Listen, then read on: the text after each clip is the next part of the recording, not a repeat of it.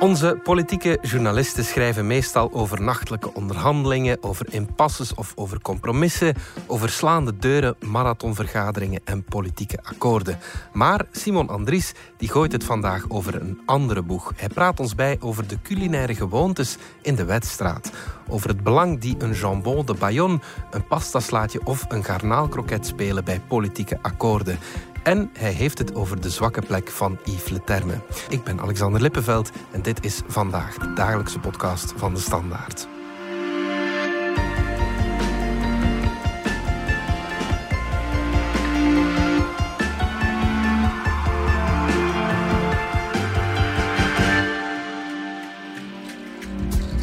Simon Andries, jij schrijft al uh, vele jaren over politiek ondertussen, maar dit verhaal had je nog nooit verteld. Het verhaal over uh, de culinaire gewoonten in de wedstraat.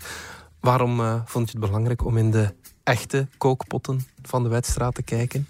Ja, eigenlijk gewoon omdat ik ook zag en dacht, en dat zien we ook op de politieke redactie, dat dat een onderschat iets is, denk mm. ik. Want die die mensen uh, die zitten gewoon vaak samen om te onderhandelen, om te vergaderen. En uh, vaak gaat dat ook gepaard met eten.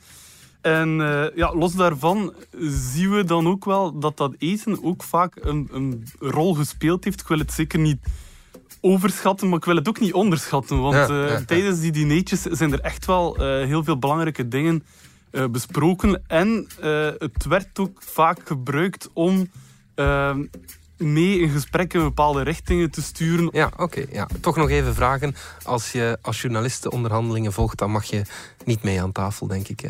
Ja, helaas niet. Het is misschien uh, een ideetje om toch een keer te vragen of dat we dat niet mogen doen. Uh, maar uh, nee, dat is nog nooit gebeurd. Ja, en heb je af en toe geen kommetje soep of een tas koffie of zo gekregen daar? Of, Soms wel, ja. ja dat ja. gebeurt meestal door attente woordvoerders die dan toch wat medelijden hebben als we ja. s'nachts aan de wedstraat staan, die dan wat zakken chips komen brengen of zo. Ah ja, oké. Maar het echte lekkere eten is nog niet echt aan ons besteed geweest tijdens de onderhandelingen. Nee, dus, oké. Ja, goed. Er is wel een en ander veranderd hè, in, de, in de loop der jaren. Ja, absoluut. En dat is toch wel echt een beetje een rode draad dat ik ook wel uh, kon vaststellen zo tijdens het uh, rondbellen ja, over die evolutie. Mhm. Omdat je dan echt wel ziet dat uh, bijvoorbeeld de Herman de Croo spreekt over de jaren zeventig, waar dat ja, het, het, culinaire, het, het, gaan eten op restaurant, dat dat echt een soort van style de vie is. Is echt wel uh, die, die politici en dan vooral de Franstalige liberalen, die, die oude statige mensen die dan in, uh, in de Senaat ook rondlieven met een hond, onder andere. Dat, uh, en die dan, die dan daar echt ja, iets van maakten om dan samen te gaan dineren in de betere sterrenrestaurants ja. ook van, uh, en dat was van Brussel. Foie gras en kreeft en waarschijnlijk die dingen. ik, ik, had er een paar opgezocht. Van, ja. Er bestaan er nog een aantal van die restaurants. En, en ik moet zeggen dat uh, het menu toch wel uh, niet slecht is. Kopieus, uh, zo heet dat dan. Ja. En vandaag, is het vandaag dan veel soberder dan toen? Wel, en dat is toch iets dat alle gesprekspartners, en zo heb ik er wel heel veel gehad van ja, oud-premiers, minister-presidenten, ministers, partijvoorzitters, -huh. die zeggen wel allemaal unaniem van vandaag is het echt wel veel, veel soberder ja. geworden. Ja. De grote uitgebreide diners waarin dat je dat die soms vier uur konden tafelen. Ja, dat is voorbij. Een mens moet scherp staan. Ja. En ja, dat zie je toch wel dat dat een serieuze verschuiving is geweest. Ja. Tot, tot de grote spijt trouwens ook van een Herman de Croo. Ja. Die zelf ook vaststelt met een zekere treurnis dat zijn zoon Alexander de Croo ja, niet echt een grote gastronoom is en eerder snel eet dan uh, ja. uitgebreid tafelt. Dus, uh, ja, oké. Okay. Ook niet gezond natuurlijk. Maar bon, um, we gaan je een aantal citaten voorschotelen, uh, Simon. We beginnen bij Herman de Croo. ja, de vader van de huidige premier, Alexander de Croo natuurlijk. Hij vertelde, als je weggaat van een tafel, dan ben je nooit meer exact dezelfde mens als daarvoor ik denk dat iedereen stiekem ook wel denkt dat dat een beetje waar is. Want als je samen aan tafel zit, dan, ja, dan, dan dat schept onmiddellijk een beetje een band, denk ik. De, de, de sfeer is iets gemoedelijker. Uh -huh.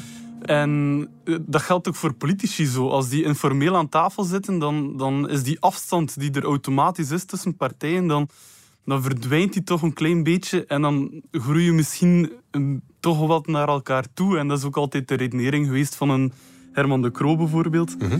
Politici die gebruikten dat toen ook wel. En dat is doorheen de tijd ook, ook altijd wel zo gebleven. Die onderhandelingen op, op restaurant, die toch voor een doorbraak zorgden. Tafelen wordt geassocieerd met mensen bij wie dat je je op je gemak voelt. Eh, dus het kan voor openingen zorgen in hele lastige dossiers. Ja, oké. ja, ja. Het Lambermont-akkoord begin jaren 2000, belangrijke stap in onze staatshervormingen, die zouden we volgens Verhofstadt, Guy Verhofstadt, toenmalig premier, zelfs te danken hebben aan een jambon de Bayonne. Ja, ja, ja, ja, eens. klopt. klopt. Ehm. En hij vertelt daar ook zelf ja, heel sappig over. Ik kwam eigenlijk zelf van een, ehm, een, een meeting met de Europese premiers in Biarritz, waar dat ze samen zaten. Maar inderdaad, een dag later moesten ze dus dringend onderhandelen over dat Lambermont-akkoord. En iedereen was eigenlijk al aan het wachten in de zaal op eh Guy Verhofstadt, Ja. die nog met het vliegtuig moest overgevlogen worden van, eh, van Biarritz. Ja? En hij had daar, hadden alle Europese premiers hadden daar een grote houten kist gekregen met zo'n grote jambon de Bayonne in. Zo'n zo'n Eh, gedroogde ham is ja, dat. zo- eh, ja, inderdaad. Dat is zo'n grote gedroogde ham dat je soms op reis ziet hangen in, Ja, de, in, de, in zo die eetkraampjes. Dat, eh, Ja, ja. Dus hij had er niets beters op gevonden dan gewoon rechtstreeks van het vliegtuig met die houten kist in de auto te stappen naar die vergadering. Waar dat iedereen dus zit te wachten. Iedereen van de deelstaten, ministers-presidenten, eh, zitten daar allemaal ongeduldig te wachten totdat die vergadering begint. En Verhofstadt komt binnen met die grote houten kist in zijn handen, zet dat midden op de tafel, Ja. eh, doet die slotjes van, eh, van die houten kist, haalt die jambon eruit, roept om eh, een mes en een beetje slaatjes. Ehm, en zegt van, kijk, iedereen eh, die wil, pak maar. Die onderhandelingen beginnen, duren tot diep in de nacht, tot om drie uur, dat er dan uiteindelijk een akkoord is. En dat eh Verhofstadt vaststelt van, ja, dat is een beeld dat mij altijd is bijgebleven. Wat een akkoord. En midden op de tafel ligt daar van die gigantische gedroogde ham eh, nog één beentje over. Dus een beentje, een beentje dat afgeschraapt is tot op het bot. Ehm, Ja. En ja, bon, er is een akkoord.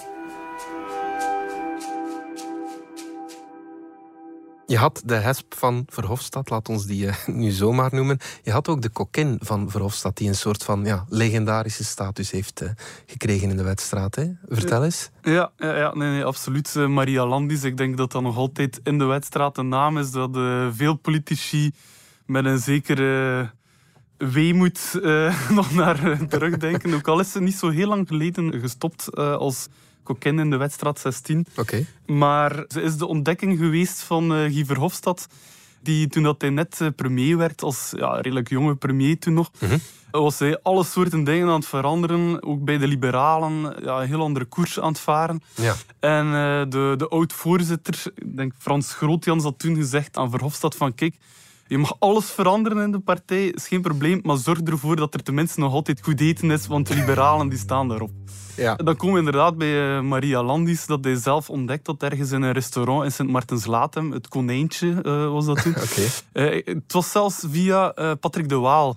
toen nog dat de, de Waal had hem een keer meegenomen op restaurant. Ja. En hij was zeer aangenaam verrast. Was dan ook aan de praat geraakt met dus de, de Italiaanse kokin eigenlijk van Sardinië, Maria Landis. Mhm. En eh, ja, die twee kwamen wel goed overeen. ja. Eh, nu, Verhofstadt ging daar vaak en, en op den duur dacht hij ook van misschien kan ik eh, gewoon ook Maria Landis meenemen naar de wedstrijd 16 in plaats van dat ik naar het konijntje moet. Ja, dan komt gewoon Maria Landis tot, eh, tot bij mij.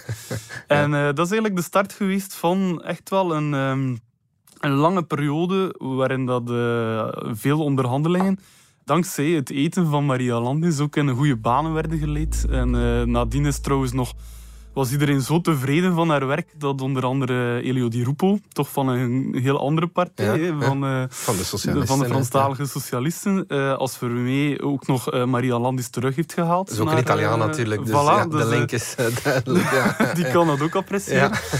En nadien ook Charles Michel en ook nog onder Sophie Wilmes als premier. Is ze altijd blijven koken op de wedstrijd 16 totdat ze het nu ook zelf de, de lange afstanden naar Brussel en eh, de lange files ook wel eh, een beetje gehad had. Ja, ja, ja. Maar eh, ze, ze spreekt daar zelf ook nog altijd vol goede herinneringen over. Omdat ze zelf ook zei, ik vond ook een aantal heel toffe anekdotes. Dat ze op haar manier als kokin ook wel een rol probeerde dus te spelen in de politiek. Ja. En, en dan bijvoorbeeld dat ze merkte, het waren lange onderhandelingen in de zomer. Iedereen zat buiten in Brussel op, op eh, terrasjes. Het was goed weer. En ze kon dat niet begrijpen dat, dat die politici eigenlijk niet echt... Ja, die zaten daar maar in die, die muffe onderhandelingszalen. Uh, en, en dat ze dacht van, ik moest het toch een beetje kunnen uh, weer tot de orde van de dag roepen van er is hier nog een... Allez, normale mensen zitten nu buiten. Ja. Uh, en dan had ze haar garçons opgedragen om uh, een aantal lekkere, frisse cocktails gewoon Ah, ja. tijdens de onderhandeling zonder aan te kondigen op tafel te zetten. Ah, ja. Eh, zodat ze plots toch door hadden van, ah ja, ja er is eigenlijk wel, eh, het is goed weer buiten, eh, we moeten hier misschien niet blijven zitten. Huh? En ze zegt ook zelf van binnen een uurtje waren die onderhandelingen toen ook wel gedaan Ah, ja. en, en waren ze buiten.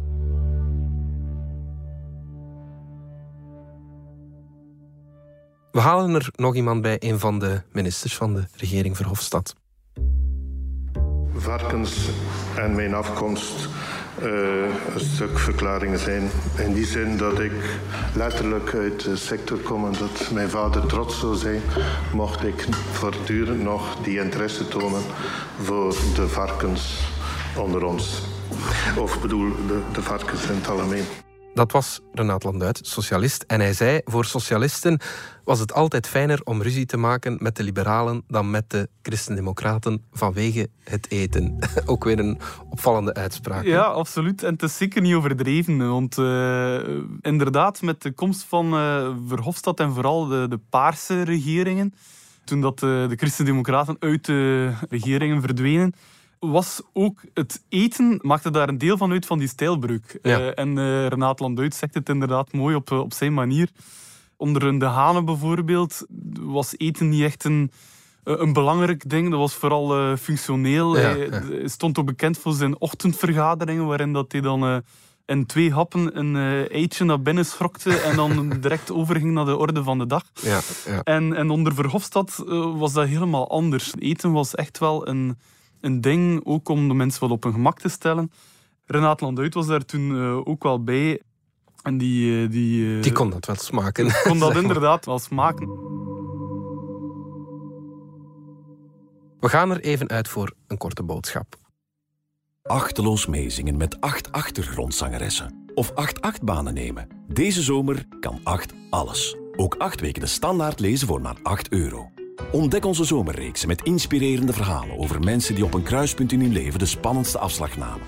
In de reeks Het Bezoek gaat minister Frank van den Broeke in gesprek met drummer Lander Gijsselink. En onze wetenschapsredactie verdiept zich in wonderlijke vragen zoals waarom is de Middellandse Zee zo blauw? Lees nu 8 weken voor maar 8 euro via standaard.be slash actie. Terug naar de keukens van de Wetstraat. Kent u deze man nog? Iedereen eh, ziet van het militaire in het parool confirm nor, denial. We bevestigen het, maar we ontkennen het niet. Maar men weet natuurlijk dat hier effectief een capaciteit nucleair aanwezig is. Dat was Pieter de Krem, christendemocraat, lang minister, ook eh, voor CD&V, onder meer van Defensie. Hij vertelde je dit, Simon, en ik citeer: Bij CD&V deden de broodjesbuffetten, meestal dan nog met slechte koffie uit de percolator, de harten niet echt sneller Ja. slaan. Ja, ook weer duidelijk. Ja. Ja, ja, absoluut. En het was sowieso al een beetje een eh, running gag in de wedstraat dat je voor eh, lekker eten niet bij de Christen-Democraten moest zijn. Maar ik moet eerlijk zeggen dat ook met eh, de hele belronde dat toch wel een beetje bevestigd is, is geweest. Ja. Dat, dat eh, bij de Christen-Democraten dat dat meer in de genen zit blijkbaar om te gaan voor de, de snelle hap. Ja. En, en inderdaad de broodjes lunchen, eh, de koude plaats, eh, meer heel functioneel. Ja. Dat was al zo onder de hanen. Maar bijvoorbeeld ook het moment dat Yves Le Terme als premier en daarvoor als eh, Vlaams minister-president zijn intrede maakt, ja, dan werd daar ook wel veel over geklaagd. Want Le Terme en zijn chauffeur vertelt dat ook eh, aan ons. Van, eh, ja, die, die stapte s'avonds in de auto en die vroeg aan de chauffeur van, ja, heb ik eigenlijk al iets gegeten vandaag? Ik weet het eigenlijk niet meer. Het was ook voor veel onderhandelaars eigenlijk niet echt aangenaam, want vergeten te eten, dat zorgt Nee. meestal niet voor Ja. de, de, de beste sfeer. Ja, ja. En ja, dat was dan natuurlijk wel onder de liberalen helemaal, helemaal anders. Le Terme laat op een bepaald moment ook een groentekok aanrukken vanuit het idee van een mens sana en corpore sano, een gezonde geest en een gezond lichaam. Ja. Maar ook dat duurt niet lang, dus die groentekok passeert wel even. Maar eh, dan zijn er toch ook een aantal liberalen die, die erover klagen dat ze geen stukje vlees meer krijgen tijdens de onderhandelingen. Dus Ja. dat wordt, eh, teruggeschakeld. Ja. En uh, ja, ik heb daar Le Terme ook nog eventjes over gebeld. En die geeft nu vandaag ook nog altijd aan van ja, dat speelt misschien wel een belangrijke rol, maar ik heb daar nooit de aanleg voor gehad om dat inderdaad goed in te zetten of goed te gebruiken. Eh, het eten als deel van ja, de culinaire strategie, dat, uh, dat er toch wel gespeeld wordt. Uh, dus hij, hij ziet het ook wel in. Ja, voilà, hij geeft er toch een soort van mea culpa dat hij zijn mede-onderhandelaars niet wat beter heeft voorzien tijdens die onderhandelingen. We maken een sprongetje in de tijd. Deze man kent u vast wel. Stoofvleesfriet of mosselenfriet? Daar heb ik een evolutie gemaakt van stoofvlees naar mosselen. Iets minder calorieën. Over het eten in de politiek schreef Bart de Wever kort in het boek In het hoofd van de Wever, dat is de titel van zijn boek. Het is een van de ijzeren wetten in de politiek. Niet vergaderen met een lege maag, tenzij je kunt landen. Dan kan het een voordeel zijn om mensen uit te dorsten en uit te hongeren. Ja. Een andere kant van de culinaire stratego. Ja, absoluut. Bon, de Wever kent soms wel zijn geschiedenis en het gaat ook gewoon al lang terug. De Hane die deed dat ook. Die liet soms zijn uh, onderhandelaars even zonder eten zitten om ervoor te zorgen dat wat sneller vooruit ging gaan. Ja.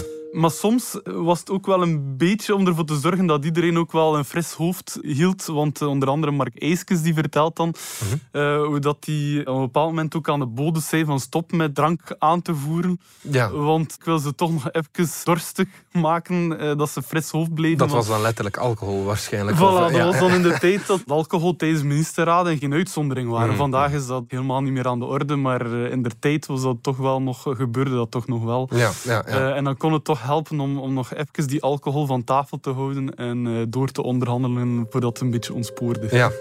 Bart de Wever heeft in Humo ooit gezegd dat de politiek een risicoberoep is voor verslaving. Hè? Heb je dat ook uh, gehoord? Ja, ja, en hij spreekt op dat vlak ook wel echt uit ervaring. Ja. Want bijvoorbeeld dan die onderhandelingen in Hertoginnedal 2007, uh, de Wever is daar dan een eerste keer bij. En, en iedereen keek daar al echt een beetje de ogen uit ook van hoe dat in de wever echt puur uit, uit stress zag je chips naar binnen schrokt. Uh, de sandwichen ja, laat zich daar echt wel helemaal gaan. Dat is ook wel de periode eh, later ook in de onderhandelingen van 2010 dan nog. Dat de wever van uh, Frituur Draakske echt wel een begrip maakt in de yes, wedstrijd. Ik denk dat veel mensen zich dat nog herinneren, hoe dat hij daar vaak, vaak passeerde. Ja. En, en De Wever zegt er zelf ook over van die uh, politieke onderhandelingen in 2010. Dat was de langste regeringsvorming ooit. Ja, hij zei toen, ik ging toen in 541 dagen van vet naar moddervet. Maar het is niet dat ze bij NVA niet weten dat eten belangrijk is, hè?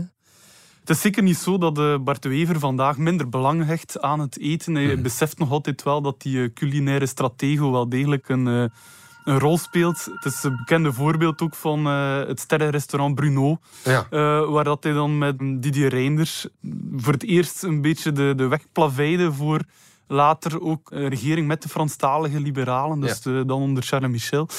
En ook een van de bekende voorbeelden dat de N-VA er wel van doordrongen was van eten kan een belangrijke rol spelen, is dat ze in de regeringsonderhandelingen van uh, 2013, 2014 een studiebureau echt wel een fiche lieten opmaken van alle Franstalige politici die mee aan tafel zaten. Ja. En onder andere in die fiche stond er ook dat Charles Michel heel graag garnaalkroketten uh, at.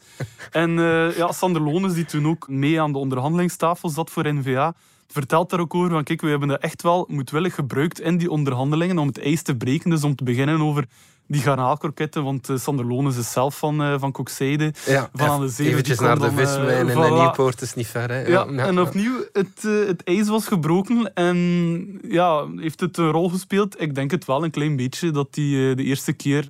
Dan eh, N-VA daar toch in geslaagd is om in die federale regering... Uh... Oké, de garnaalkroketten, goed. Um, maar er zijn ook voorbeelden dat je dat wel kan keren. Hè? Bart de Wever die loopt nu marathons. dat zou je tien jaar geleden of vijftien jaar geleden niet gedacht hebben. Ja, en voor de Wever was het op dat moment ook echt wel een noodzaak. Want uh, puur qua gezondheid kon hij dat denk ik ook niet volhouden. Ja. En hij zegt er zelf ook over van op een bepaald moment zat ik, of het besef was zo'n beetje gekomen van moment dat hij naar de Efteling gaat en uh, in een karretje probeert te kruipen en ze krijgen dat karretje niet meer dicht. Ja, dat een beetje een gênant moment, wat confronterend. En uh, dan heeft hij gezegd van ik ga hier iets aan doen. Dat is dan een bekende moment uh, eind 2011 dat hij eerst stopt met alles van alcohol, heel, heel grondig. Ja. Haalt nog een laatste goede fles wijn uit zijn kelder en Ja. stopt er dan echt wel helemaal mee. Ja. En begint dan ook aan zijn befaamde Ja. eh, waar dat hij heel snel vermagert. En tot op de dag van vandaag ja, blijft hij daar ook wel meer sporten, eh, de aandacht voor, voor hebben. Mhm. Maar het opvallende was ook wel dat de, dat, dat de Wever daar ook wel een beetje een startpunt geweest is van een ommekeer in de hele politieke wereld. Ja, ja, ja. Want met de Wever zien we ook wel doorheen de tijd dan de volledige politiek versoberen. Er is één iemand, Simon, die altijd consequent gebleven is. En dat is Frank van den Broeke. Ja, ja en eh, dan moeten we zelfs weer terug naar de tijd van Verhofstadt, Ja. waar dat, eh, Van den Broeke dus toen ook al eh, minister was. En dat de liberalen daar toen ook al raar naar keken. Dus hij, hij gaat altijd wel mee, Van den Broeke, als er iets eh, gebeurt of als er ergens iets wordt gedronken. Maar dan houdt hij het meestal wel bij een plat watertje of, eh, of een spuitwater, als het iets meer mag zijn. Ja, ja. En bijvoorbeeld een Karel de Gucht, die, die begreep dat ook niet echt. Want eh, net zoals muziek verzacht etende zeden, was zijn redenering. Terwijl dat een Frank van den Broeke altijd scherp bleef. Ja, vandaag nog altijd. Ook zijn kabinet spreekt daar ook nog altijd over. Dat hij eet niet veel, let er heel goed op. En het enige wat hij zichzelf dan wel eh, iedere week permitteert, is op vrijdag dat hij eh, naar zijn frituren eh, ter vuren gaat. En dat hij dan eh, wat frietjes met stoofvlees eet. Maar Ja. voor de rest is, is ja, Van den Broeke de voorloper ook van de soberheid in de politiek. En jij, Simon, zou jij een, eh, een goed politicus zijn? Eerder stijl CD&V of eh, Open VLD of zelfs Frank van den Broeke? Laat ons zeggen, zeker geen, eh, geen Frank van den Broeke. Ik, ik eet ook wel graag en ik ga ook wel eh, graag op restaurant. Mhm. Maar het is ook, als journalisten gaan we soms ook wel eens op restaurant of gaan we al eens gaan lunchen met de politici. En ik moet zelf eerlijk zeggen dat dat ook niet altijd het leukste is om te doen of dat je dan het meest geniet van je eten. Ik zal zelfs meer zeggen, als Ja. Journalist eh, kies ik niet wat dat het eh, lekkerste is op de kaart of wat ik zelf het lekkerst zou vinden, maar eerder wat dat er het gemakkelijkst is om te eten. Ah ja. Eh, zodat je niet eh, sukkelt tijdens uw gesprekken met de, met de politici. Ah ja, oké. Eh, dus eerder functioneel Geen eten dan ook. Dat, en op dat vlak is het dan toch iets meer christendemocratisch. ja. Oké. Goed. Simon Andries, dankjewel. Graag gedaan. Dit was vandaag de dagelijkse podcast van de Standaard. Bedankt voor het luisteren. Volg ons op Spotify, Apple Podcast of eender welk ander podcastplatform. In onze gratis podcast-app DS Podcast kan je niet alleen de podcast van de Standaard beluisteren, maar ook de beste podcasttips voor op vakantie of ergens onderweg. Met zorg geselecteerd door onze redacteur Max de Moor. Alle credits van de podcast die je net hoorde vind je op standaard.be-podcast. Reageren kan via podcast.standaard.be. Morgen zijn we opnieuw.